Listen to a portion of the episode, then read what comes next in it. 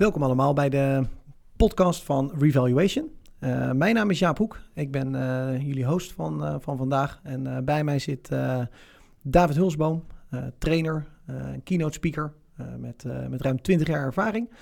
Um, wij gaan vandaag even een onderwerp behandelen wat op dit moment zeer actueel is. Dus ik neem jullie graag mee in deze podcast. Vorige week uh, hebben we een uh, reactie gevraagd aan, uh, aan David op een eh, onderzoek. Dat is ehm, gedaan door het Algemeen Dagblad. op 17 augustus kwam, kwam een artikel naar voren over verborgen burn-outs. Er blijken ruim 4 miljoen verborgen burn-outs te zijn. Ehm, waarbij mensen binnen een half jaar dreigen uit te vallen. dit is natuurlijk schrikbarend. we hebben David toen in een video om een reactie gevraagd. En David heeft gezegd, jongens, als er meer vragen zijn, laat het ons weten. En uh, jongens, echt super bedankt. Um, niet normaal hoeveel vragen we hebben gekregen. we gaan proberen om maar zoveel mogelijk te behandelen. We zullen er een aantal moeten, moeten bundelen. En vandaag beginnen we met, met de eerste. een hele sterke vraag en we gaan, we gaan het, het dialoog aan. welkom David, fijn dat je er weer bent. Um, wij um, gaan eens even hebben over, over de volgende vraag die ons is gesteld. Um, door de alsmaar toenemende druk die we onszelf allemaal opleggen, neemt de onzekerheid toe. En dit geeft aanleiding tot de vraag: hoe zorg ik ervoor dat ik blijvend iets verander en niet alleen op dit moment een burn-out probeer te voorkomen of verzuim, maar hier ook op de lange termijn van weg te kunnen blijven? Wauw, dat is uh, niet zomaar een vraag, David. Hoe, hoe denk jij daarover? Nou, hij, is, hij, hij aan de ene kant in de context is hij echt waanzinnig sterk, uh, omdat dat al, echt alles omvat. Um, de grootste uitdaging die mensen op dit moment hebben, is uh, gerelateerd aan een aantal verschillende facetten, die dus daardoor ook de oorzaak zijn van een eventuele burn-out of een verzuim of een, een, een, vorm van stress die uiteindelijk bij ons naar binnen kruipt. En um, een van de eerste die, die, die werd hier al genoemd, dat is, um, wij noemen dat het perfectionistisch gedrag de behoefte naar perfectionisme. Uh, niet zozeer perfectionisme vanuit jezelf, maar met name vanuit je omgeving. Dat komt een bepaalde druk bij naar boven, er komt een bepaalde stress bij naar boven, omdat je je altijd wil conformeren aan de, uh, de omgevingsfactoren die bepalen hoe jij eruit moet zien, hoe jij moet werken, hoe jij je stappen moet zetten, hoe jij dus ook jouw groei moet ontwikkelen. De tweede, die volgens mij kwam die ook terug, en die zag ik ook in een aantal uh, vragen terugkomen. Dat heeft te maken met keuzestress. Men heeft tegenwoordig veel te veel keuzes. Uh, en die keuzes bepalen uiteindelijk uh, een vorm van. Uh, je hebt een aantal verschillende soorten stress. En ehm, te veel keuzes bepaalt in het begin dacht je van nou, weet je, zolang ik keuzes heb, dan heb ik in ieder geval keuzes. Hè, want een keuze uit één is geen keuze. Maar op het moment dat jij de toenemende mate van keuze bij jezelf naar binnen laat komen en geen focus, CQ drijf houdt op een keuze die je uiteindelijk zou willen maken, dan komt er ook een daar mate van distress naar boven. En uh, zowel perfectionisme, zeker de drang naar perfectionisme, als te veel keuzes zorgt ervoor dat jouw hersenen uh, uiteindelijk geen goede, um, geen goede richting meer hebben. En dat betekent dat daar een soort distress naar boven komt. Met andere woorden, uh, daar waar iedereen geniet van de endorfine, dat als ze iets leuks hebben gedaan, uh, uh, de, de dopamine om mensen successen hebben geboekt, komt de stressfactor. En waarbij dus in dit verhaal, dat kan een combinatie zijn van cortisol of een combinatie van adrenaline. Um, ja, dat komt uit je bijnieren. En dat gaat, daar reageert je lichaam anders op. Dus om hem heel, heel kort te maken, A, te veel keuzes.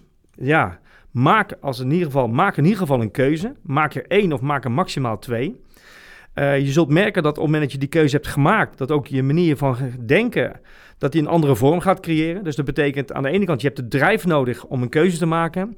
En je hebt focus nodig, en dat komt weer uit je hersenen. Je hebt focus nodig om die keuze vast te blijven houden. En dan dat even terug naar het perfectionisme, wat echt een heel belangrijk fenomeen is, zeker ook bij de jongeren. Uh, dat zie je ook bij de vloggers, de bloggers, uh, al die, die, die mensen die maar... Hè, kijk, ga op internet kijken, ga op Instagram kijken, ga op social kijken en alles is perfect. En dat drijft er uiteindelijk voor een, uh, naar dat perfectionistisch gedrag of de ambitie naar perfectionisme. En het grote probleem daarbij is, zeker bij mensen, is dat de impact van andere mensen op jou als persoon, in welke vorm dan ook, ja, dat is eigenlijk stap twee. Dus aan de ene kant een keuze maken, maximaal twee. Houd je focus vast, maar laat je keuze bepaald worden door je drijf. Dus vanuit je hart. En ga daarna uh, ga zorg dragen dat je de kracht en de moed hebt, want daar kom ik zo nog even op terug, de kracht en de moed hebt om uiteindelijk je niet laten af, um, nou, de afhankelijkheid laat toenemen van andere mensen. Want andere mensen hebben een ander beeld, hebben een andere associatie, hebben een andere perceptie, hebben dus ook andere waarden en overtuigingen. En dat, die staan wellicht soms dicht bij jou, maar soms ook verder van je af. Ja. Dat is echt een van de belangrijkste onderdelen. Wat me heel erg, heel erg moeilijk lijkt in, in dit geval, is dat men uh, vaak afgerekend wordt op de buitenkant. Uh, men laat zien uh, waarvan men denkt dat de ander hem of haar zo wil zien. Waarom doen wij dat? Ah, dan kom je op het derde punt. En de, dankjewel, ja, dat is echt een waanzinnig belangrijk. Dat geldt overigens niet alleen de buitenkant, geldt niet alleen in, in, de wereld waar we zitten qua kleding, qua auto's. Maar dat heeft ook te maken met onze manier van managementstijl. Het heeft ook onze manier van besturing van mensen binnen organisaties. Men heeft KPI's, men heeft uh, prestatiemanagement systemen, men heeft uh, bilats, hè, zoals het dan heel mooi heet. en die zijn allemaal gebaseerd niet op zozeer wie je bent, maar gebaseerd op wat je bent en wat je doet. En op het moment dat je daar de goede vorm in hebt gekozen, je hebt de juiste KPI's, hè, de juiste meetmomenten heb je positief ingevuld, ja, dan gaat het goed. Maar op het moment dat het in de organisatie niet goed gaat, en dan met alle respect, ja, op dit moment gaat het op dit moment bij veel organisaties niet helemaal lekker. Het aantal veranderingen neemt toe, complexiteit neemt toe, uh, de onvoorspelbaarheid neemt toe. En die drie dingen samen zorgen eigenlijk ervoor dat de manier van managementstijl gebaseerd op KPI's, nou, dan heb je dus een uitdaging. Die zorgt ook weer voor diezelfde type stress. Dus A, ja, kleding. Uh, je moet er altijd goed uitzien. De juiste kleding, de juiste merken. Maar de vraag is, waarom doe je dat? Doe je dat voor de ander? Uh, in, op, in behoefte aan erkenning, behoefte aan herkenning, behoefte aan aandacht. En dan moet je echt, en dat is misschien best wel reflectering wat ik nu zeg, maar je moet echt terug naar je eigen drijf. Waarom doe je de dingen die je doet? En dan kom ik even, sorry, hij wordt misschien wat langer, maar dan kom ik even op een punt waarom wij dat eigenlijk allemaal willen. En dat heeft te, heeft te maken met onze oerdrang. En onze oerdrang is aan de ene kant, is we willen groeien. Maar aan de andere kant willen, hebben we een hoge mate van voorspelbaarheid. We willen heel graag weten hoe de dag van vandaag eruit ziet. We willen heel graag weten dat als we ergens aan beginnen, dat het ook ergens toe leidt. En die voorspelbaarheid in een onvoorspelbare wereld, die complex is en die alleen maar met veranderingen zit, zorgt voor diezelfde stress. Laat die voorspelbaarheid los, want dat is een belangrijk fenomeen in je groei als mens duidelijk verhaal. Wil je daarmee eigenlijk ook zeggen dat dan de, de, de mensen die het dichtst bij zichzelf blijven in het bedrijfsleven, um, uiteindelijk het meest succesvol zijn, omdat zij uh, zeg maar geen buitenkant hebben die ze op moeten houden?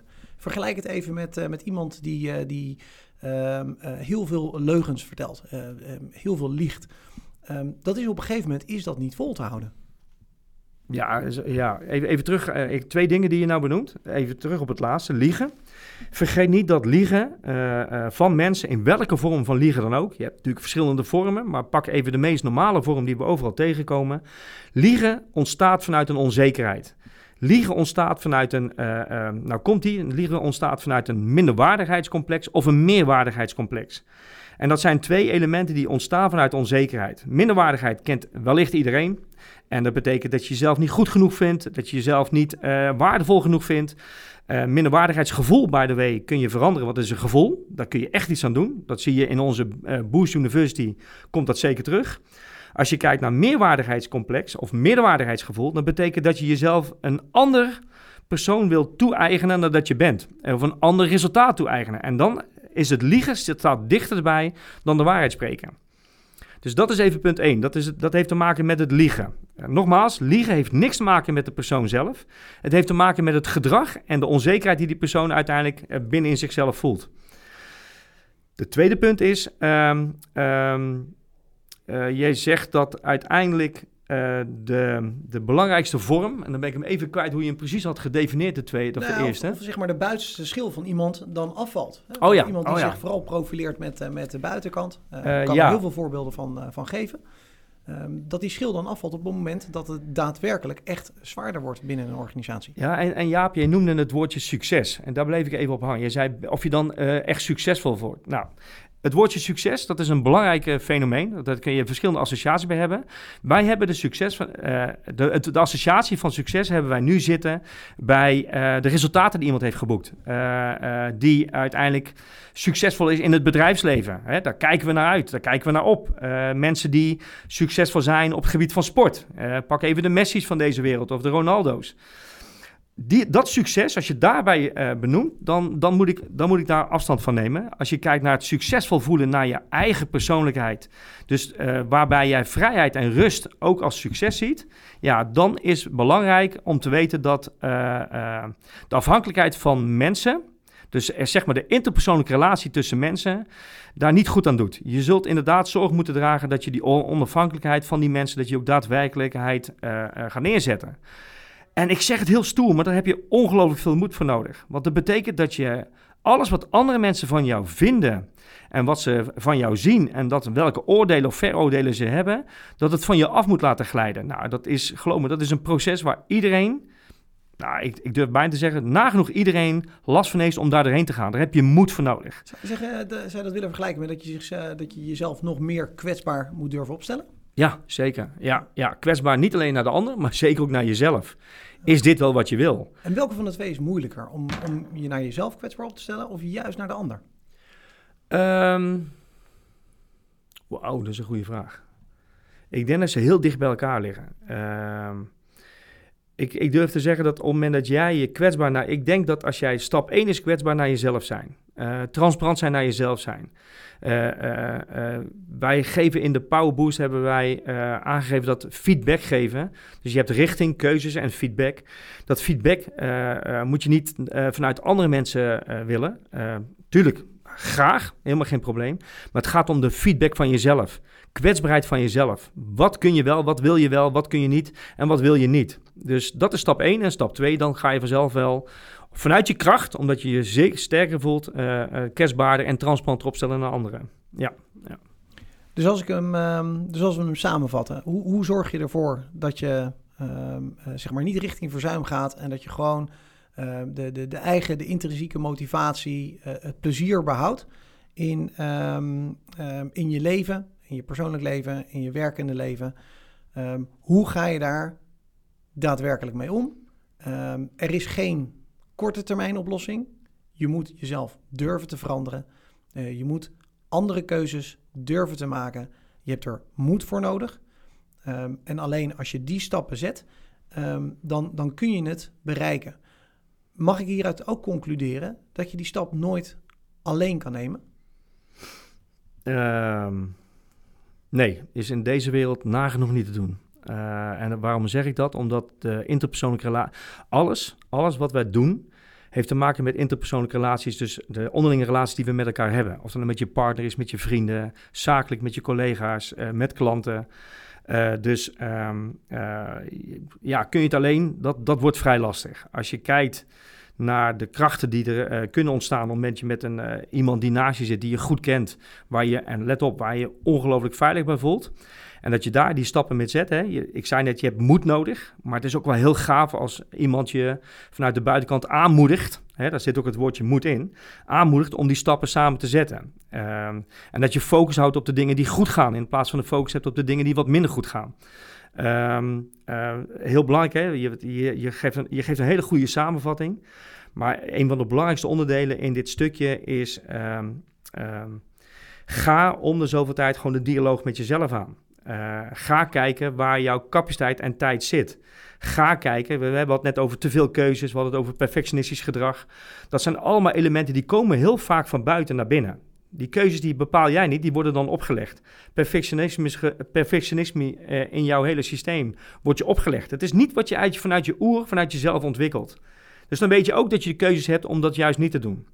Hm. Het is wel een lang traject. Het is niet makkelijk. Uh, uh, maar niet makkelijk wil niet zeggen uh, dat het moeilijk is. Het heeft alleen te maken hoeveel focus geef je eraan en welke, vanuit welke drijf doe je dat. Ja, ja. Mooi. Vergeet even niet, sorry ja, vergeet even niet. Je hebt soms heb je, je hebt twee verschillende soorten stress, hè, zoals je het heel simpel noemt. Je hebt eustress, dat heb je nodig als je iets voor de eerste keer doet. Dan vind je het spannend. de eerste keer voor het podium staan, de eerste keer dat je naar een klant gaat, de eerste keer dat je uitgaat hè, en dat je een date hebt met een vriendin of met een vriend. Dat, dat is eustress. Dat is hele fijne stress die je nodig hebt, waarbij je scherp bent, waarbij ook die focus daadwerkelijk aanwezig is. Distress betekent dat jij je capaciteit en je tijd op de verkeerde manier inzet. Uh, dat je je impact van anderen te veel negativiteit uh, beheerst. En distress gaat in je systeem zitten.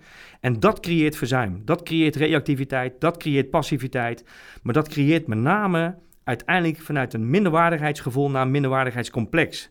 Naar meerwaardigheidsgevoel en meerwaardigheidscomplex. En daar gaat het niet goed. En dat ga je merken in je systeem. Moeheid, uh, reactief naar passief, uh, geen zin meer hebben, uh, dingen uitstellen. Al die elementen zijn, dat zijn zwaailichten, oranje zwaailichten, die ervoor zorg dragen dat je moet opletten en weer terug naar jezelf moet gaan, want anders kom je in distress. En distress betekent uiteindelijk gewoon burn-out, want je gaat te ver. Terug naar jezelf is, uh, is de conclusie. Het gesprek aan met jezelf, uh, heel erg belangrijk. En het is ook zeker belangrijk om, uh, om die reis niet alleen te maken. en um, er heerst in sommige gevallen een, een, een taboe op op, uh, op een hulpvraag stellen aan een, uh, aan een coach. Maar uh, bij deze is dat, is dat volledig weggenomen. Je kunt het niet alleen. Mag ik, mag ik één ding toevoegen? Want heel mooi wat je nou zegt. Ik, die wil ik echt even kwijt.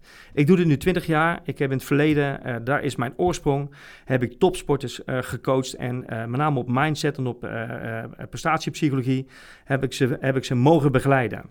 En vergeet niet, want dat vind ik het hele mooie. Het is een soort taboe, zeg je. In de topsport en dan met name de topsoort. En als ik kijk naar de Amerikanen, zijn daar eigenlijk veel verder nog dan uh, uh, sowieso Nederland. In Amerika heeft elke topsporter heeft een mentale coach. Heeft iemand nodig, heeft iemand naast me staan om zijn volgende stap te zetten.